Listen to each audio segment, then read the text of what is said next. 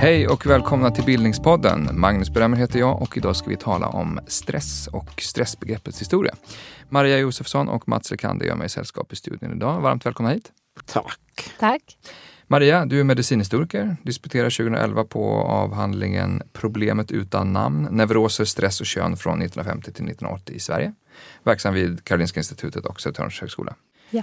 Mats, professor vid Stressforskningsinstitutet här på universitetet, Stockholms universitet, också verksam vid Karolinska institutet och en av personerna bakom Stressforskningspodden. Som Ja. tipsar om. Vi kan återkomma till den. Jag tänkte vi kunde börja med att ni båda får definiera dagens ämne. Vad är eh, stress? Mats, vill du börja? Jag brukar använda mig av en rätt så klassisk definition som eh, definierar stress som ett svar på utmaningar eller hot. Någon, händelser som man uppfattar som utmanande eller hotande och som utlöser reaktioner i kroppen och förstås också på beteendenivå. Mm. Så en, en allmän definition. Maria? Och jag som, som historiker, jag skulle väl snarare säga att stress är ett samlingsbegrepp för både en känsla Eh, men också ett, samlings, eller ett samhällsfenomen. Och att det här begreppet, eh, det här fenomenet är otroligt föränderligt över tid. Så det vi menar med stress idag är inte samma sak som man menade med stress 1960. Ja, det tänkte vi skulle återkomma till. Men när man tänker stress, alltså handlar stress om själva reaktionen eller det som man reagerar på? Det känns som att ordet används lite dubbeltydigt där, eller? Ja, jag, jag skulle säga att, att som du säger, det, är- det är dubbeltydigt för att ordet används ju egentligen på, på två olika sätt. Eh, fackpersoner, som, som Mats är, använder ju en, en snävare definition medan en, en, en lekman, eller vem som helst på gatan som inte, som inte kan mer om stress än, än någon annan, eh, menar någonting delvis annat. Och att det här är del, liksom, lite det som är problematiskt med stressbegreppet, att det flyter. Det är väldigt eh, amorft. Det håller jag med eh, om att det är det som är det problematiska men jag uppfattar min definition inte som snäv utan som väldigt generell. Hur då? Eh, nej men jag bara menar att jag, jag ser ju eh, stress som både som eh, förstås eh, någonting där man kan identifiera händelser eller stressorer och sen så responsen. Men jag ser det som en allmän funktion i kroppen som vi har för att öka chansen till överlevnad och som sen då kan förknippas med en diagnos eller ökad risk för ohälsa så att det, det är skillnad mellan en akut och en kronisk aspekt på stress. Men det jag menar att min eh, definition är generell. Den inbegriper alla de där delarna medan en del mer syftar på negativt, alltså när, när man har krav som övergår ens resurser. När man uppfattar att de här kraven då är liksom större än det man klarar av. Då, då använder de den definitionen och då närmar det sig lite mer det här mm, maladaptiva, alltså det som stör, eh, som gör oss sämre anpassade. Det kan både vara något tillfälligt och någonting som är under en längre period men också någonting som både är negativt och positivt nästan, eller? Ja, utan, utan tvekan. Jag- Jag, gillar ju det där att man har ett sånt brett begrepp som paraply. Eh, att det fungerar som ett paraplybegrepp för jag tycker att det motsvarar funktionen. Det är därför gillar jag det. Men jag ser också problemet med det därför att eh, vi använder ofta stress när vi menar någon ganska specifik del av den här kedjan liksom från stressor till respons utan att säga att vi menar till exempel kronisk eller långvarig belastning eller någonting. Och, Ja. och det där tycker jag är en källa till problem. Det är ganska få ämnen i den här podden som är löpsidesstoff. Det är stress är onekligen det, är väldigt ja. regelbundet. Eh, och apropå att det är ett omdiskuterat, eh, en omdiskuterad företeelse, vilken är den vanligaste invändningen som du har mot, mot hur stress uppmärksammas i media? Jag är lite på krigsstigen mot, eh, mot medias sätt att rapportera och också många författares och föreläsares eh, sätt att se på stress. Därför att jag tycker att det finns en, en väldigt olycklig tendens att, att att eh, helt enkelt överdriva riskerna. Och nu vill jag säga på en gång att jag också känner till och vet ganska väl vilka negativa eh, effekter det har för, alltså risk för ohälsa ökar efter långvarig belastning. Så det tror jag vi vet ganska mycket om. Men jag tycker att det är lite så panikstämning över det här fluffiga användandet av begreppet stress som jag ser som väldigt problematiskt. Det är långa artiklar i tidningarna om hjärnor som krymper där det ser ut som att det är en ballong som liksom pff, som tappar luften. Eh, och där vardaglig ansträngning eh, ses som eh, blandas ihop med den här långvariga belastningen, den som är negativ för hälsan. Man talar om eh, olika saker egentligen? Ja, mm. fast man, eh, det, man, egentligen gör man det, mm. fast mm. man säger inte riktigt vad man pratar om och då uppfattar lekmannen det som att även plugga till tentan, anstränga sig, kämpa för en kanske en bättre socioekonomisk status till exempel som ju är generellt sett bra för hälsan. Den här typen av saker ser man som farliga därför att man inte har differentierat begreppet eh, och sett på långvarig belastning jämfört med jäkt eller vardagsstress. Mm. Livspusseldiskussionen, mm. den tycker jag är också sådär, herregud vad vi har det jobbigt. Jag tycker det är helt ahistoriskt okay. att se det så. vad säger historiker om det? Ja, nej men, nej men jag, jag, jag, håller, jag håller delvis med och, och har delvis samma invändning, men just från, från ett, ett historikerperspektiv kanske snarare än, än eh, från det perspektivet att man forskar och, och arbetar med det här. Och det är just att det, det, blir ju besväret när man har ett begrepp som, som så att säga är så här brett och mm. täcker in så många olika saker att eh, jag, jag, jag, tycker genuint att det är problematiskt att vi pratar om posttraumatiskt stresssyndrom som, som, som är en allvarlig diagnos, ett mm. svårt lidande, eh, människor som har utsatts för fruktansvärda saker och att det via begreppet stress blandas ihop med, med det här som Mats säger, alltså livspusseldiskussionen. Mm. Åh, jag hade så bråttom till dagis, jag är så stressad.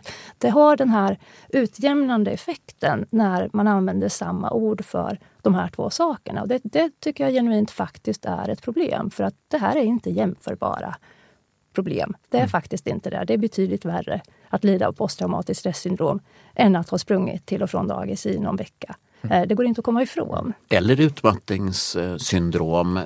Även om vi inte fattar riktigt vad det är kanske så är det ju förknippat med stort lidande om man har en stor trötthet och inte har energi för vardagliga aktiviteter. Ja, verkligen stort lidande och lång, lång väg tillbaka eh, till, till liksom där man kanske var innan för vissa i alla fall. Okay. Det man utsätts för, eh, vem man är och vilken typ av situation man hamnar i, är någonting jag tänkte vi ska eh, återkomma till också. Men vi kanske ska ta den här historiken från början lite mer utförligt. Det är ett ganska ungt begrepp. Ja, både och. Alltså begreppet egentligen, det började ju användas, användas för länge sedan. Det användes redan på 1800-talet. Och det har funnits, och det finns ju fortfarande inom helt andra discipliner än, än, än medicinen där man kan prata om så här, eh, stress i relation till så här, materialbelastning i flygplansvingar. Och ja, just det, det har med påfrestning att göra. Det har med påfrestning mm, att göra, precis. Och, så, så, och det var ju det det, var där det betydde från allra första mm. början. Mm. Men i den här bemärkelsen? Men i den här bemärkelsen så fick det ju sitt genombrott med, eh, med Hans Selye eh, som var en ungersk, kanadensisk och österrikisk, har jag för mig, forskare eh, som myntade det här begreppet i den bemärkelsen som vi känner igen i slutet av 30-talet. Mm. Så att, och sen så fick det sitt ordentliga genomslag 10-15 år senare och i Sverige lite senare ändå. Mm. Vi ska återkomma till sälja, men, men vad, eh, när vi talar om stress idag, menar vi samma sak som, som han menade och som när begreppet fick det genomslaget? Nej, jag skulle säga att det, det, det, gör vi nog egentligen inte. Det som, är, det som är intressant med stressbegreppet är att det händer saker med det, skulle jag säga, hela tiden. Vi menar inte riktigt samma sak idag eh, som vi menade för, för tio år sedan. Mm. Och man ser att det här stress är ett sånt begrepp som det bitvis pågår lite grann av en kamp om, skulle jag säga. Eh, om vi tittar tillbaka bara till, till eh, åren omkring år 2000 då var stress någonting som var väldigt ihopkopplat med en, en, en ganska agiterad debatt om fusk med sjukskrivningar mm. och att den här diagnosen utbrändhet eller utmattningssyndrom, att den var ganska ifrågasatt och, och diskuterades väldigt, väldigt mycket. så ser det inte alls ut idag och det har inte gått särskilt lång tid sen det här. Och, så att idag uppfattar jag att det, det håller på att hända mm. saker med stressbegreppet nu med. Vad säger du om det Mats? Jo, det, det, det, stämmer. Det, och jag tror också att det är perfekt eh, perspektiv för att förstå stress och stressbegreppet och ha den här historiska liksom, blicken på det. Jag tror vi lär oss väldigt mycket av det. Eh, ja, det sättet som jag ser på, på stress, om man tänker på det här paraplybegreppet, så är det inte så himla långt från Hans Seljes sätt att se på det egentligen. För att han ser, eh, såg det som ett, eh, i ett evolutionärt perspektiv, vad har vi för överlevnadsfördelar? Vad finns det för långvariga risker om man tröttar ut systemet? Eh, så att han hade de här tidsmässiga aspekterna. Han såg de uppenbara fördelarna med reaktionen som många av dem var inte alls accepterade på den tiden då, utan han slogs lite grann för, för att se den här viktiga anpassningen i reaktionen. Vad var det mest banbrytande med hans idéer om stress? Det banbrytande med de idéerna när de kom, framförallt i det sammanhang som de landade i i Sverige, eh, slutet av 50-talet, början på 60-talet, var att, att här hade vi då en situation där vi pratade om eh, samma typ av symptom som sen kom att förknippas med stress. De pratade, pratade man om i termer av neuros på den tiden. Och neurosdiagnosen den var väldigt starkt förknippad med en idé om konstitution, om undermålighet, om klena nerver, nervositet. Det här var väldigt stigmatiserande. Alltså vissa diagnos. personer, till och med kanske vissa sociala grupper var mer ja, vissa, benägna ja, att... Vissa personer, och man pratar om det i termer av att, att ungefär 10 procent av den svenska befolkningen är liksom konstitutionellt så svag att de klarar inte av det här moderna samhället. De är skapade på ett sånt sätt de, att de ja, inte klarar de, de har så klen konstitution så att de klarar inte av att leva i ett modernt samhälle och då drabbas de av neuroser. Så det var ju ett starkt utpekande av de här människorna som mådde dåligt. Eh, och som sagt, de, de, de pekades ut som, som klenare än genomsnittet. Och det stressbegreppet gör, eh, det är ju att det är en sån det är en generaliserad eh, definition som säger att, att eh, stress drabbar en organism och då får man det här generella svaret på påfrestningen. Så att stress demokratiserade eh, tidigare väldigt, väldigt eh, stigmatiserande symptom eh, i det sammanhang som, som begreppet landade i där på, på 60-talet. Mm. Så det var, det var ju ett, ett verkligt, eh, en verklig revolution i hur man såg på en viss typ av, eh, om vi nu ska använda begrepp som ohälsa eller lidande eller ja, symptombilder Mm. Han flyttar fokus från att man pekar ut individen och säger att det är dig det är fel på till att eh, diskussionen istället, efter ett tag i alla fall, landar i att det här kan drabba vem som helst under vissa förutsättningar. Mm. Så det är ett, ett starkt skifte. Mm. Du pratade om den, att han introducerade det här evolutionära tänkandet också i den här frågan. Vad, säg något mer om det Mats, vad du menar? Eller vad han menade? Ja, han, han menade att man hade en, en eh, en ökad funktionsförmåga kan man säga, alltså ökad motståndskraft mot belastningen som man råkar ut för. Så att, alltså att den reaktionen man får den är, den är funktionell på det sättet att den ökar chansen att man klarar av den här utmaningen. Alltså till exempel då får mer energi tillgängligt för att fly eller fäkta eller vad det nu är man ska göra. Så att, så att, och man får förändringar i man nedprioriterar eh, händelser i kroppen som kanske inte behövs just för tillfället. Så att han betonar de här goda effekterna av att ha en akut stressreaktion. Eh, det är lite den aspekten som vi alla vet, vet om men som vi glömmer bort i debatten tycker jag om att vi har nytta av den här reaktionen. Alla vi, även vi skulle jag säga i dagens samhälle. Och, och sen så betonade han också då som var mer en en hypotes tror jag egentligen än att han hade data för det, att den här långvariga aktiveringen på sikt kunde liksom trötta ut systemet så att man hade minskad motståndskraft mot belastningen. Så att han såg det liksom i ett tidsperspektiv, någon slags kontinuum där man till slut hade ökad risk för ohälsa och sämre mm. förmåga att klara av belastningen. Så det tycker jag var viktigt. Han, han upptäckte ju flera saker som var kontroversiella eh, som han tolkade som just tecken på den här generaliserade goda reaktionen mm. när någon belastning inträffade. Var det det, det, det att inte klara belastning, var det det han pratade om som adaptionssvårigheter? Ja, det kan man säga. Så det, det där kallas ju för det generella adaptationssyndromet, eller han kallade det för det. Och då hade han en kurva då med ökad motståndskraft som så småningom ledde över i minskad motståndskraft. Mm. Um, hur snabbt fick de här idéerna genomslag i samtiden?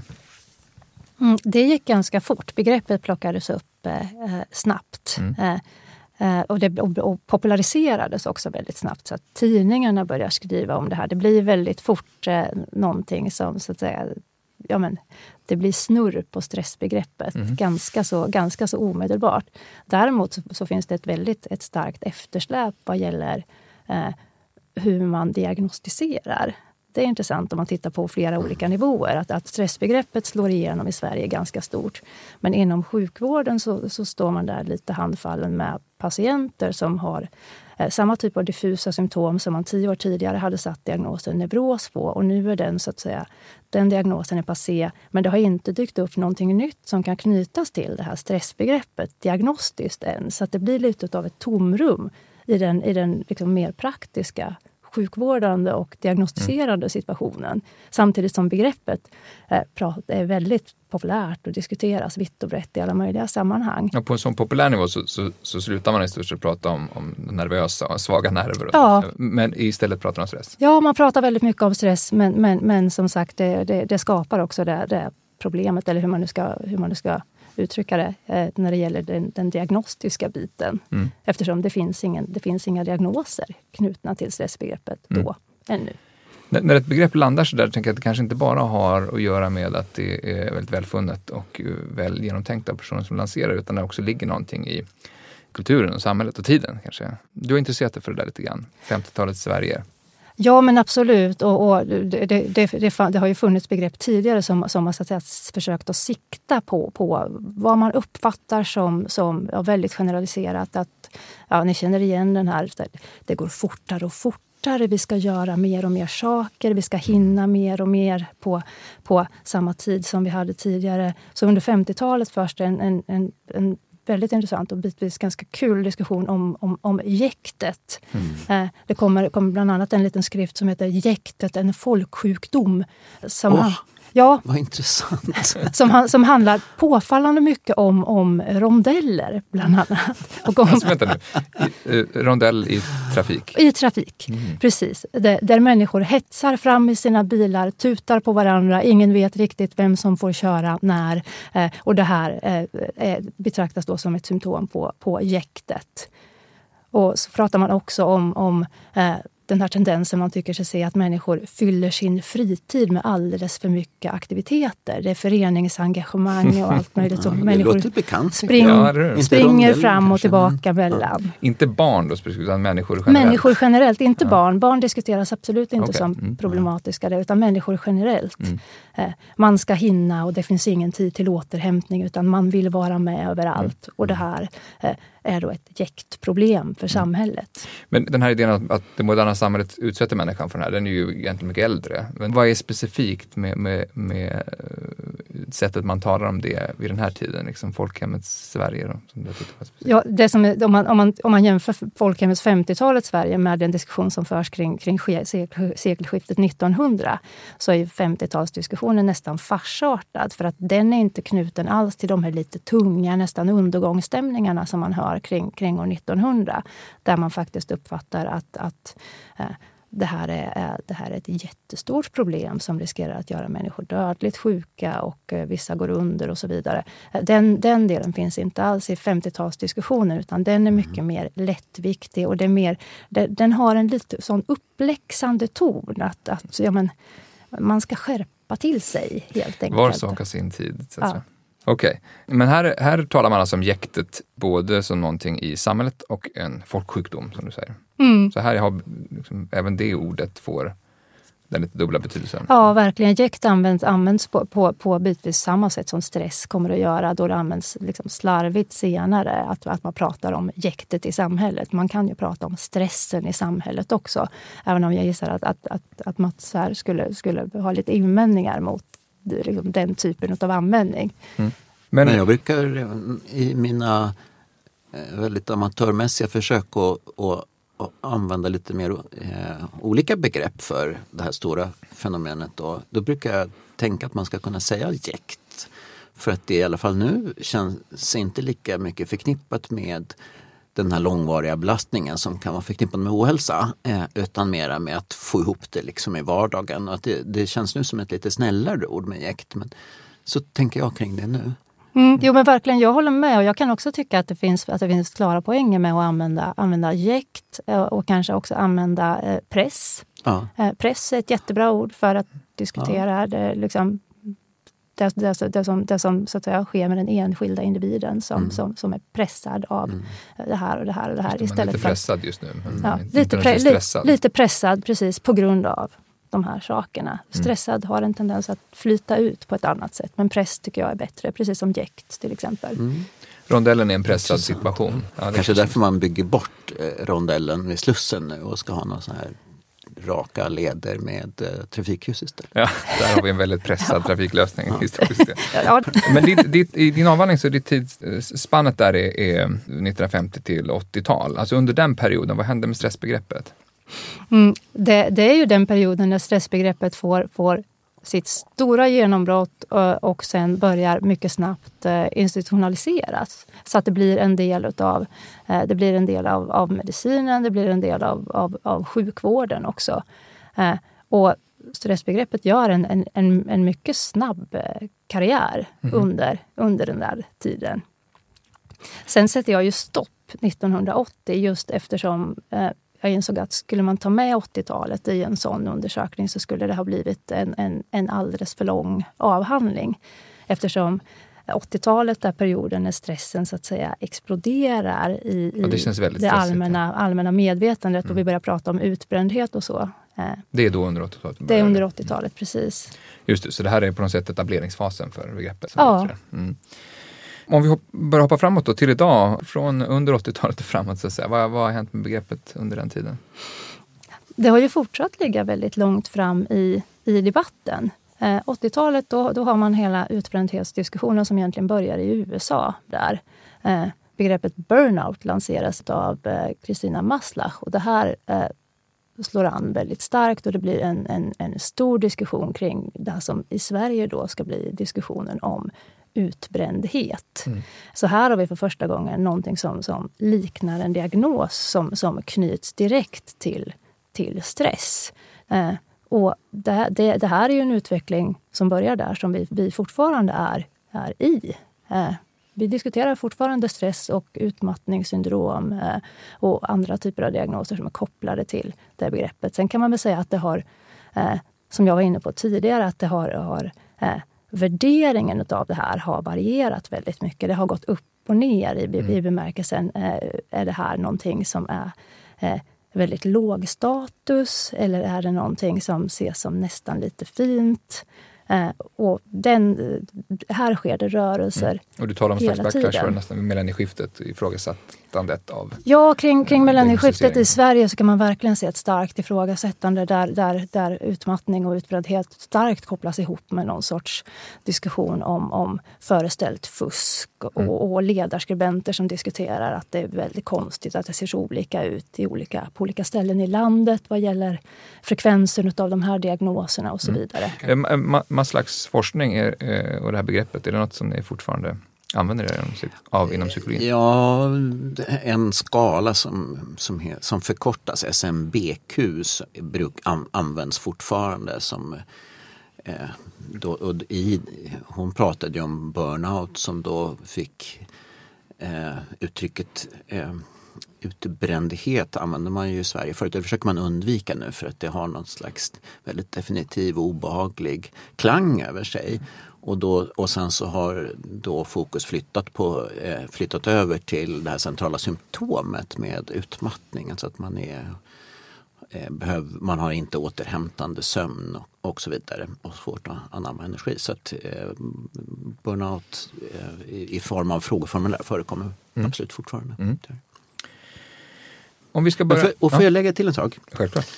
Ehm, jag tänker på att det är, apropå hur, hur eh, eh, diagnoserna diskuteras och hur utmattning diskuteras, så är det så intressant att man har eh, en svensk diagnos då som är utmattningssyndrom men att den inte har en motsvarighet eh, internationellt. Så att när vi publicerar om utmattningssyndrom och om vi då skulle skriva exhaustion disorder som är närmaste, tycker vi i alla fall, översättningen, så här, då fattar de ingenting. Så här, vad, vad, vad, är det här för någonting? Det finns ju ingen diagnos som heter det i diagnossystemen.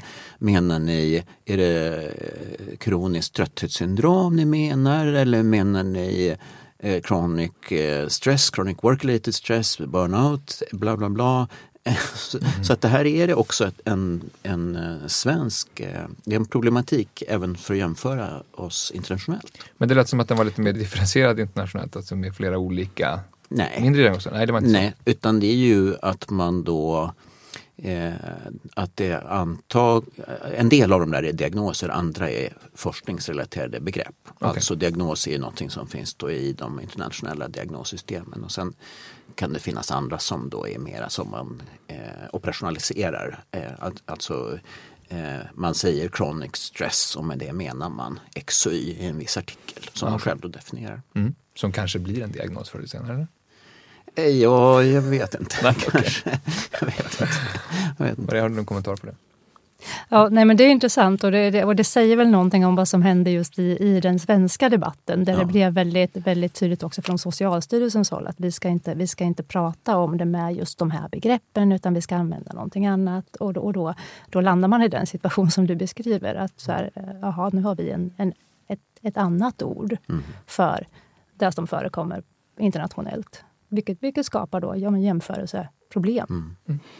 Innan vi djupdyker lite mer i, i, i själva fenomenet, hur det yttrar sig och så. Eh, du Maria skriver i din avhandling också om, om stressbegreppet ur ett genusperspektiv. Säg något kort om vad du, vad du upptäckte där. Ja, alltså, jag, när jag gick in i det arbetet, det är ju länge sedan nu, så hade jag en idé om att jag skulle finna otroligt eh, en stark övervikt utav, utav eh, kvinnor som kopplades ihop med både neurosdiagnosen och sedermera med stress. För det var den kontexten som jag började i. Eh, att kvinnor, kvinnor är överrepresenterade vid sjukskrivningar vad gäller stressrelaterad ohälsa. Så ser det ut idag också. Eh, men det upptäckte jag ganska snabbt att så såg det inte alls ut eh, under de här 30 åren som jag tittade på. Då. Det fanns förvisso en övervikt av kvinnor både när det gällde eh, neuroser eh, och också gällande patienter som sökte för diffusa symptombilder. Eh, däremot så var det inte alls någon, något kriterium för att de här patienterna eh, fick en diagnos. Kvinnor var överrepresenterade när det gällde neurosdiagnoser. Men sen när stress kommer in i bilden så är det som att det skapas en en sorts, en sorts oreda eh, med kön som en, som, en, som en del i mixen och sen så den här oklarheten vad gäller diagnoser eh, och den andra. Eh, och sen så fanns det också en, finns det också en, en, en sorts, eh, upptäckte jag, en sorts, en sorts norm som, som förmodligen hängde kvar från det här tidigare konstitutionstänkandet vad gäller mm. framförallt stress och diagnostisering vad gällde, eh, vad gällde stress. Att, att det var bara en viss, en viss typ av personer som faktiskt fick diagnoser som, som knöts till stress. Och ingick kön som en faktor där? Eh, snarare då att det var en, en viss manlig övervikt eftersom det knöts till eh, hög prestation och också intellekt på olika sätt. Att man bedömde att vissa patienter till exempel kunde vara eh, mycket bättre kandidater. Och det här gäller fram, framförallt mot slutet av den här perioden under 70-talet. Där man bedömer vissa patienter som mycket, mycket bättre kandidater för det man kallar för psykoterapi. Eh, det kräver enligt den normen som var då en, en, eh, en viss nivå på intellektet, vilket sorterade bort en del patienter. Mm. Man skriver det uttryckligen också i deras, i deras journaler. Mm. Så där jag trodde att jag skulle hitta en, en entydig kvinnlig övervikt och en entydig också koppling till det kvinnliga på någon sorts generell normerande nivå. Så hittade jag någonting som var mycket, mycket mer komplext och Mm. rörigt. Ja, för i äl- äldre tid är väl just svaga nerver och eh, hysteriska symptom som något som har tjänats väldigt tydligt till det kvinnliga. Ja, men, men precis. Men, men, men här kan man nog verkligen prata om just 50, 60 och 70-talen som någon sorts bry, brytningstid när, när den gamla diskursen fungerar inte längre. Eh, och det är lite oklart vad den ska ersättas av och vilken ordning och vilket, vilken struktur så att säga, det ska bli på det nya. Finns det någon genusaspekt idag som är relevant? Det finns ju en Hur- väldigt stark genusaspekt vad gäller sjukskrivningarna. Den är, den är klar och entydig och har funnits länge. Eh, Kvinnor är helt klart överrepresenterade. Har forskningen några ledtrådar till varför det ser ut så? En ledtråd är att, att, att, det, att kvinnor jobbar mer i kontaktyrken som är mer förknippade med den typen av belastning då, som av någon anledning, om man får uttrycka det så, leder till eh, de här stressrelaterade kroniska problemen, alltså till exempel utmattningssyndrom. Så det är väl en förklaring vilka som jobbar i vilka yrken helt enkelt. Är det också Eh, och sen- benägenhet att, att söka hjälp? Ja, definitivt. Och det tror jag är en väldigt viktig poäng som du gör där. Där är ju vi, man, eller vad man ska säga, olika. Och, och, och sen så är det ju också så att vad det gäller närliggande pro- problem som ångest eh, eh, och depression så är det också en överrepresentation av kvinnor där. Och eh, om man har, när man sätter en diagnos som är stressrelaterad som en, en vanlig diagnos som också finns internationellt är anpassningsstörning och sen så har vi till exempel utmattningssyndrom som är den här svenska diagnosen. Då, då utesluter man först ångest och depression som huvudsaklig diagnos. Och kan man inte riktigt sätta den så kan man sätta någon av de här andra. Eh, Men eftersom de här är vanligare eh, hos kvinnor, ångest och depression, så är det också rimligt att det är vanligare med kvinnor i de här stressrelaterade eh, diagnosgrupperna. Så tittar man på den här längre historiska linjen så, så går eh, liksom problemformuleringens fokus från enskilda sociala grupper till att tala mer om ett samhälleligt problem. Samtidigt finns det redan hos Säljer den här idén om att det är något individuellt i hur vi reagerar på belastningen. Som, som antyder att det finns någon slags individuellt mått på stresstålighet. Vad, Och vad, framförallt kommer den eh, efter liksom säljetiden med så här belastning och ett svar på belastningen och en tidsaspekt så började folk tycka så här, men vänta nu, det är väldigt olika vilka som reagerar negativt på den här belastningen, både faktiskt hos djur och människor. Då. Och då har man fört in de här eh, mera tankarna kring eh, hanter- bemästringsstrategier, alltså coping och vad man gör med den här belastningen. Så att det kommer lite senare i reaktion på sälja. Okej. Men fortsätt. vad, men, men vad, vad säger forskningen om det där idag? Går det att säga något övergripande? Om, individen. Och det var en svår fråga. Eh, det pågår ganska mycket forskning för att hitta vilka faktorer som eh, är då förknippade med ökad känslighet. Att försöka förstå individuell känslighet. Eh, och likadant med eh, faktorer som anses skyddande. Så det är alltså till exempel då hälsobeteenden, eh, fysisk aktivitet är väl ett bra exempel. Och kost är ett annat och sömn är ett väldigt tredje sånt. Så att sån, den typen av faktorer studerar man och likadant eh, socioekonomisk status som man ofta tittar på, socialt stöd. Så att det finns en debatt om individuell sårbarhet som, är, som jag tycker är ganska, ganska levande idag-. Men går det att säga entydigt att de där faktorerna är, sköter man det där i den mån man kan då, det var ju flera olika aspekter, så är man mindre benägen att, att, att drabbas hårt av. Ja, på någon gruppnivå finns det ju såklart det. Vi brukar... Alltså sover man bättre så är man eh, mindre sannolikhet att, att eh, Ja. drabbas Ja, stresssyndrom. det kan man säga. Och, och, då, och eh, vi som då håller på med stressforskningen i någon form, vi brukar då säga att vi eh, hanter, kan hantera otroligt mycket belastning utan att eh, skadas av det om vi har tid för återhämtning. Det vill säga att vi sover och att vi har andra aktiviteter som gör att vi kan koppla av och så vidare som gör att man inte har en aktivering på kvällen som sen stör sömnen och så vidare. Så att vi, vi ser det som att den där återhämtningen är en väldigt viktig skyddsfaktor. Vi, har, vi ser i vår forskning också att förbättrad sömn eh, föregår förbättring i de här stressrelaterade tillstånden. Eh, och vi kan inte dra slutsatsen att sömnen är liksom en orsaksfaktor. Men vi tycker att det är intressant att vi ser förändringar i sömn innan man liksom blir bättre eh, i andra eh, Okej. problem. Vad, vad, Vid varför är det intressant? Varför är det intressant tycker du? Jo men alltså ärligt talat så famlar vi ju lite i att förstå de här mekanismerna. Eh, biologin bakom stressreaktioner, eh, den är den mår bra, eller vad ska jag säga, det området mår bra vad det gäller akut stress men, men är, vi, vi vet väldigt lite om eh, kopplingar till ohälsa på sikt. Vi- Vi vet lite om de här stresshormonsystemen men det är ganska rörigt. Vi vet en del om inflammation. Men om, och hittar man då eh, faktorer och, som tycks kunna länka en belastning eller en behandling till hälsa på sikt, då, då har vi ju mycket bättre kunskap. Och då kan vi förbättra behandlingen sen. Men ni har gjort en skillnad här mellan jäktet i vardagen, livspusslet etc. och den här långvariga belastningen som blir, blir skadlig. Eh, Men i, i mångt och mycket så skulle ju en, den, den vardagliga stressen, om man inte Ja. har återhämtningen och alla de här faktorerna jag pratade om, Ja. kunna leda till en långvarig sån belastning, eller? Det har du rätt i. Om man har en, en pågående situation med eh, svårigheter att att få ihop ekonomi eller hinna med det man behöver göra, förbereda sig till jobbet eller man måste kanske låna tid av sömnen, eh, som inte är helt ovanligt faktiskt att man gör för att klara jobb eller andra faktorer. Så här. Då är det klart att det är ett slitage eh, på sikt som ökar risken för ohälsa.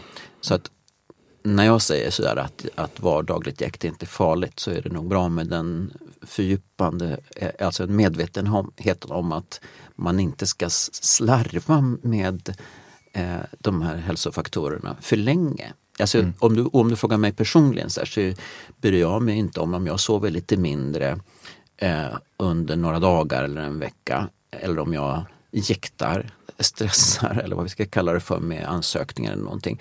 Så tror inte jag ett ögonblick att det där är en riskfaktor för ohälsa. Inte alls faktiskt. Men om jag har ett sånt konsekvent liv där jag sover för lite eller har ett obehandlat sömnproblem, då Självklart, då ska man göra något åt det. Eller sin situation kanske, men också sömnbehandling om det är Men det, vi talar inte om, om eh, konstitution, eh, ut, men vi talar ändå om någon slags, om individuella faktorer i ens liv. Ja, men jag, gör jag, ja, men jag skulle vilja säga en sak apropå eh, det, du, det du sa nu. För det tycker jag är intressant, det som håller på att hända med stressbegreppet precis i detta nu medan vi sitter här. Att det här, det här vardagliga jäktet, det, det är i de allra flesta fall inte, inte skadligt under förutsättning att det inte pågår alldeles för länge. Eh, men det vi ser runt om i Sverige precis nu, det är ju att stora yrkesgrupper, lärare, förskolepersonal, sjukvårdspersonal, eh, går ut och säger att vi lever i en arbetssituation som är fullständigt ohållbar. Eh, vi har en sån press, en sån stress, ett sånt jäkt.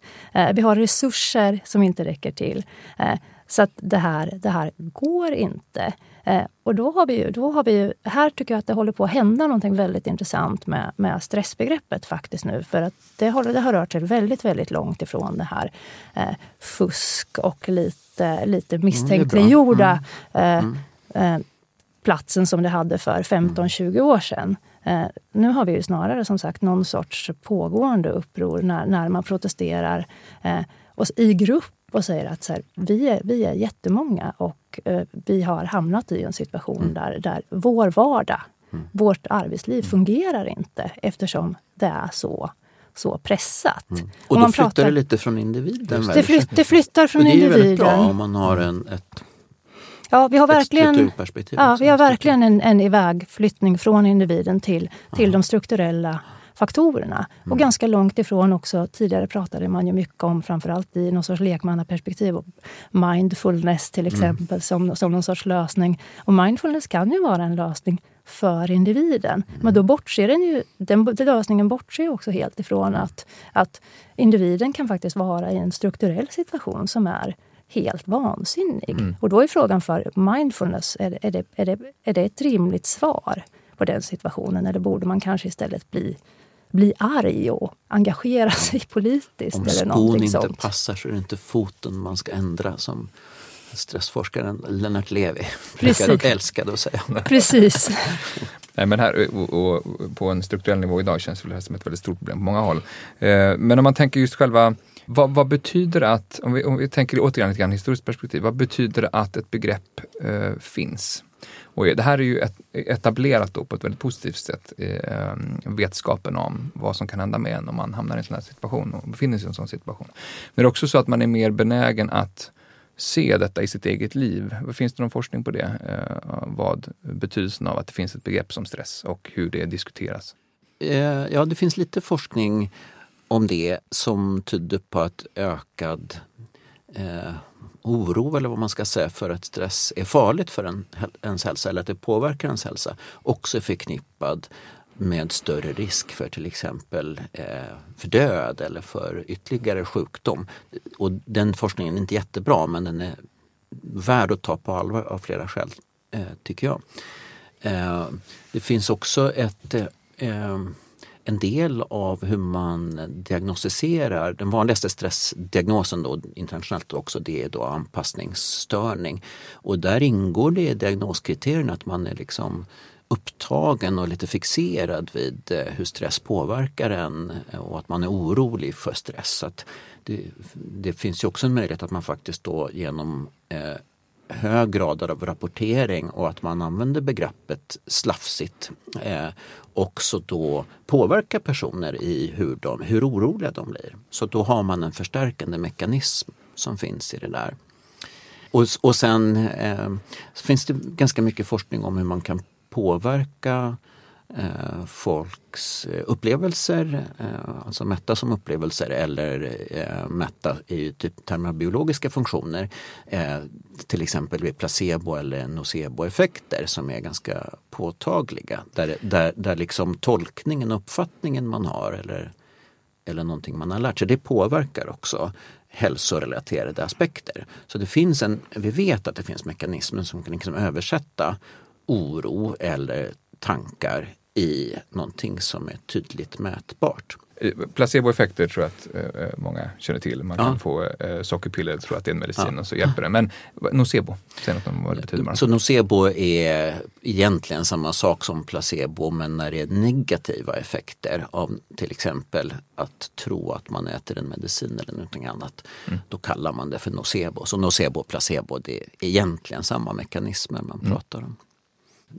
Dessutom så, så ingår ju eh, eh, sociala aspekter och, och, mentala aspekter i, i, definitionen av hälsa, den mest vanliga i alla fall.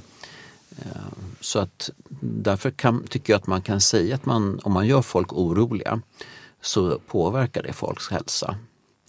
Eh, och, och då och har man då inte så välbalanserade budskap så har man en negativ påverkan som jag oroar mig för. Mm. Utan att bagatellisera problemet. Du säger något om det? Ja, men his historiskt så finns det, ju, finns det ju väldigt mycket god forskning som visar just mycket tydligt att eh, finns det ett ord, finns det ett namn, då betyder det faktiskt att det här fenomenet finns. Finns det däremot inte ett begrepp för någonting så kan man faktiskt säga att, att eh, då, då, då är det icke-existerande. Så att ord har otroligt mycket mm. makt att skapa mm. både hur vi ser, oss, ser på oss själva och hur vi ser på, på vår omvärld och på vad som händer med oss. Här finns det, som, som jag sa, mycket god forskning vad gäller just diagnoser till exempel, där man kan se att kommer det en, en ny diagnos eh, så drar den också omedelbart så att säga, till sig en hel liksom, stor grupp av patienter. Och då kan man diskutera, så här, och det här är en tolkningsfråga. Ska vi då se det som att de här patienterna har funnits där hela tiden, lidit i det tysta men inte fått något namn på sin sjukdom? Eller ska vi se det som en kanske mer komplex eh, mekanism, en sorts, en sorts loop där det faktum att diagnosen finns också på något plan skapar skapar en, en ny patientgrupp. Och det här är alltid svåra diskussioner att, att föra. Men, men finns det ett namn på någonting så då, då finns mm. det. Det kan vara i stort sett vara både och, väl? Att, att ett, ett begrepp eh, får personer som har känt någonting sedan tidigare att bli erkända i det. Ja, men också att det kan finnas en överrepresentation. Ja, men precis. Och, och som sagt, det, det, där är väldigt komplext och, och det, det, är någonting som man också ska vara väldigt, väldigt försiktig med. Men vad gäller ett begrepp som stress till exempel, som inte är en specifik diagnos. Där tror jag att det, att det i väldigt hög utsträckning gör så att ja, men det, det, styr oss till att prata om vissa saker och också möjligen till att känna vissa saker tydligare än, än annat. Mm. Eh, jag tyckte mig se det när jag tittade på journalmaterial för min avhandling, att när man började prata om stress eh, det innebar inte nödvändigtvis direkt att det dök upp en massa nya diagnoser knutna till stressbegreppet. Däremot fick trötthet helt plötsligt en väldigt mycket mer framträdande roll i patientjournalerna. Mm. Och trötthet hade man inte pratat om alls under 50-talet. Det var ett icke-problem på vårdnivå. Man pratade om andra symptom, man pratade om hjärtsymptom och värk och sånt. Men inte om trötthet. Men när man började prata om stress på en samhällsnivå, då började trötthet dyka upp som ett mycket, mycket vanligt mm. symptom. Mats, du, du eh, är specialiserad på skärningspunkten mellan psykologi och biomedicin. Säg något kort om vad det innebär. Det innebär att intressera sig för flera aspekter eh, av ett visst fenomen. Så att om, jag, om vi tänker oss att jag är intresserad av eh, att känna sig sjuk, tar vi som exempel som är en sak jag forskar om. Känslan av att vara frisk eller sjuk då tycker jag att det blir väldigt konstigt att eh, som den psykolog jag är i min grundutbildning bara studera subjektiva eller eh, eh alltså beteenden som går att koppla till detta utan att ha biologiska mått på samma sak. Eh, och eh, för mig är det då väldigt naturligt att, att inte låsa mig till en tradition eller en kategori utan jag tror helt enkelt att man får ökad kunskap genom att eh, vara tvärvetenskaplig. Och därför så, i mitt fall så eh, passar det bra med, med de här mera biomedicinska aspekterna eh, och psykologi. Mm. Även om jag sneglar på idé och lärdomshistoriker och lär mig av dem av er och eh, eh, likaså av eh, antropologer. För jag tycker också det finns kulturella skillnader som som gör en lite klokare i de här när man försöker få, få syn på det här begreppet, vad är det för någonting? Och då tittar man lite historiskt och kulturellt så, så hjälper det mig. Kan du ge något konkret exempel på vilka upptäckter det där perspektivet kan ge? Eh, ett exempel gäller eh, den allmänna känslan av hälsa, det vi brukar kalla för självskattad hälsa. Det är ett superintressant fenomen eftersom om man frågar personer om hur de tycker att deras allmänna hälsa är så är det ofta den bästa eh, prediktorn, förutsägaren om man kan säga så, eh, för till exempel dödlighet. Det är ju enormt intressant. Då har man bara frågat personen. Men eh, då tycker jag att man också vill veta vad är det för processer i kroppen som gör att man känner sig sjuk eller frisk och som man kanske sen kan koppla till den här ökade risken för ohälsa om man känner sig sjuk. Mm. Och, och, i vårt fall då så tittar vi på inflammatoriska ämnen som, är, som vi eh, populärt kallar för sjukdomssignaler till hjärnan. Som, eh, när de aktiveras i kroppen så säger de till hjärnan så här, du är sjuk så att man ska vilja gå och lägga sig om man får popularisera några år, mm. tiondens forskningsfynd på det sättet. Mm. Men, och då tycker jag att det där är helt eh, eh, grundläggande att man undersöker ett fenomen från, från flera perspektiv. Mm. Men du går in lite grann i frågorna hur en, ett begrepp som stress exempelvis då diskuteras och vad man har för självbild. Och vad man, ja. Apropå det, Idag eh, är ju det här evolutionära perspektivet som vi varit inne på väldigt populärt. Det får väldigt starkt genomslag. Eh, bilden av stenåldersmänniskan eller mm, människan på savannen som möter ett lejon. Att vi är liksom skapta för en helt annan situation än den vi möter i vår vardag. Eh, vad skulle ni säga är det stora problemet med den här eh, berättelsen? Jag tycker ju att besväret med den är att den, den, den skapar ju en bild av att vi i grund och botten så att säga är placerade i ett samhälle och i en kontext och i en situation som, som vi inte egentligen är gjorda för att, att leva i. Och det är ju en ganska deprimerande bild som, kan, som inte alls, ur mitt perspektiv, skapar en känsla av att, att, att eh, det här är någonting som är möjligt att hantera. Eh, mitt liv går att, går att eh, styra på olika vis. Eh, jag, kan, jag kan leva och verka här. Utan snarare en, en, en ganska uppgiven situation där, där man är en organism som är placerad i en miljö som inte alls är gjord för en. Så det känns inte som en särskilt konstruktiv bild. Mm. Det är mitt problem med savann liknelsen. Och att vara malplacerad i det, i det moderna samhället är ju en ganska gammal tanke också. Så att den Precis, det, ja, det är en gammal tanke. Eh, men Mats, hur väl bottnar den här berättelsen i, psykologiforskningen? Ehm, den, jag ska först säga att jag tycker att det är en enormt bra bild. Så att ur kommunikationsperspektiv så är det ju förstås effektivt att använda den analogin. Den kanske har en viss sanning också även om jag personligen tycker, jag är ganska glad över att jag, har, att jag lever i det här samhället även om jag har en lite kajko stressreaktion än, än tvärtom, en bra stressreaktion på savannen. Men jag, jag, tror att, att en fara finns i det där att, att vi tar för givet att, vi, att stressreaktionen inte i grunden är eh, adaptiv eh, för oss. Hur menar du? Och jag tror inte det är sant helt enkelt. Och det jag menar är att, att eh, Eh, även om behovet av att eh, springa eller slåss för många inte alltid är liksom akut på samma sätt som det kanske var. Jag har ingen aning om det stämmer för övrigt, kanske var på savannen. Eh, så, eh, så har vi ju ett behov av att optimera eh, våra funktioner i förhållande till omgivningskrav. Och det kan vara att stiga upp på morgonen, att eh, förbereda sig för ett arbetsprov, att eh, kunna gå ner i aktivitet, att svara på en förändring i kroppen med någonting beteendemässigt. Att, att eh, känna någonting. Eh, nu blir jag rädd. Så att jag ska kunna komma ihåg någonting bättre som är en effekt av stress. Att man, om den inte är för stark så har man en bättre minnesinkodning. Alltså det finns en massa sådana funktioner som jag tror är jätterelevanta i vår vardag och som hjälper vår funktion. Även om det här bilden med springa från lejonet inte alltid kanske är, är relevant i vårt, för mm. alla i vårt samhälle. Men det är inte så att forskningen entydigt säger att eh, den här typen av reaktion, den här typen av situation är, är, är skadlig för människan? Eller. Nej, denna, nej, tvärtom. Den akuta stressreaktionen, det tycker jag, eh, jag tolkar verkligen det som uppenbart att den är till hjälp eh, i, eh, i dagens samhälle också. Okej, okay, så huvudsakligen motsatsen då?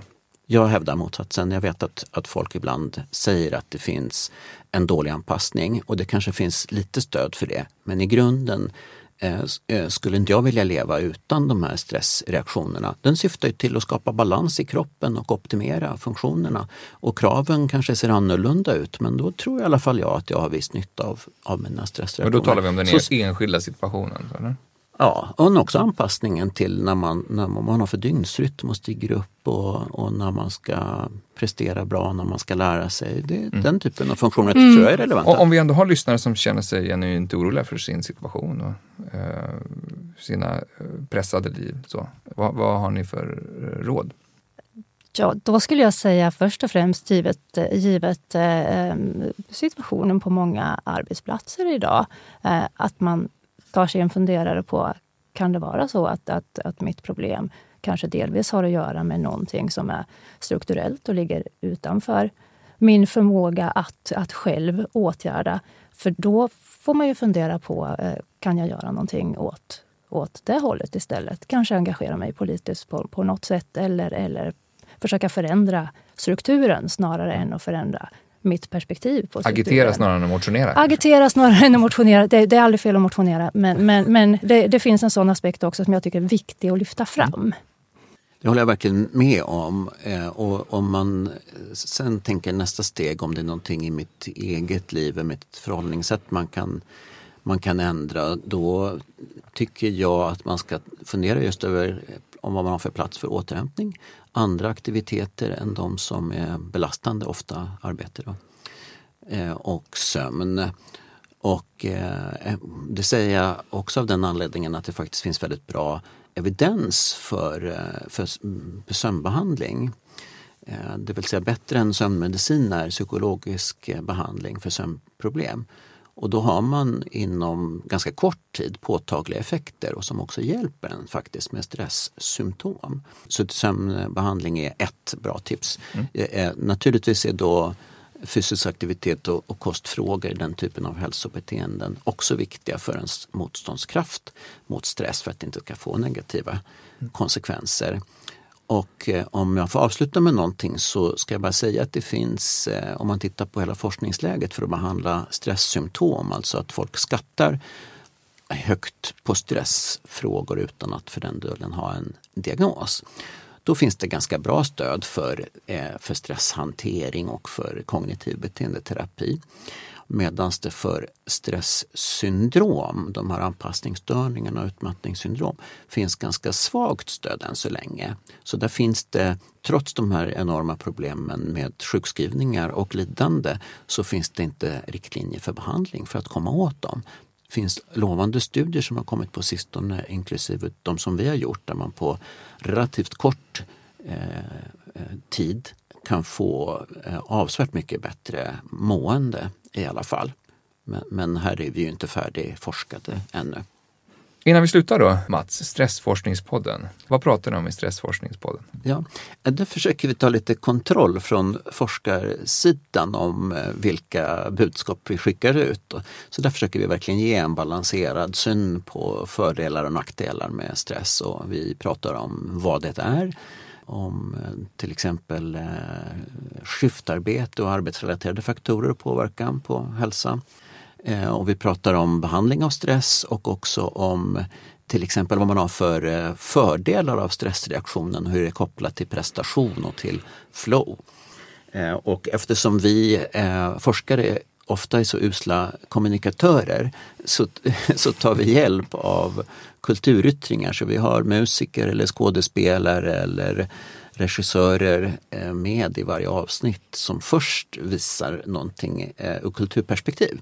En låt som handlar om att man är trött eller Mer jul med Adolfsson och Falk som har varit här i just den här studion och sjungit denna okay. klassiker. Och sen så kan vi prata om detta fenomen mer vetenskapligt. Så mm. det, den typen av saker handlar Stressforskningspodden om. Bra tips om vidare lyssning. Har Maria varit med? Nej, inte ännu. Då har vi ett Inte ännu. Jag har faktiskt tänkt på detta. Fint, då väntar vi på det. Tusen tack Maria Josefsson, Mats Lekander för att ni vill vara med och prata stress i Bildningspodden. Tack. tack. Tack också ni som har lyssnat. Vi är snart tillbaka med ett nytt avsnitt. Tack och hej. Du har lyssnat på Bildningspodden, en del av bildningsmagasinet Anekdot. Podden spelas in på Språkstudion och ljudproducent är Kristin Eriksdotter Nordgren. Fler poddar, filmer och essäer hittar du på anekdot.se.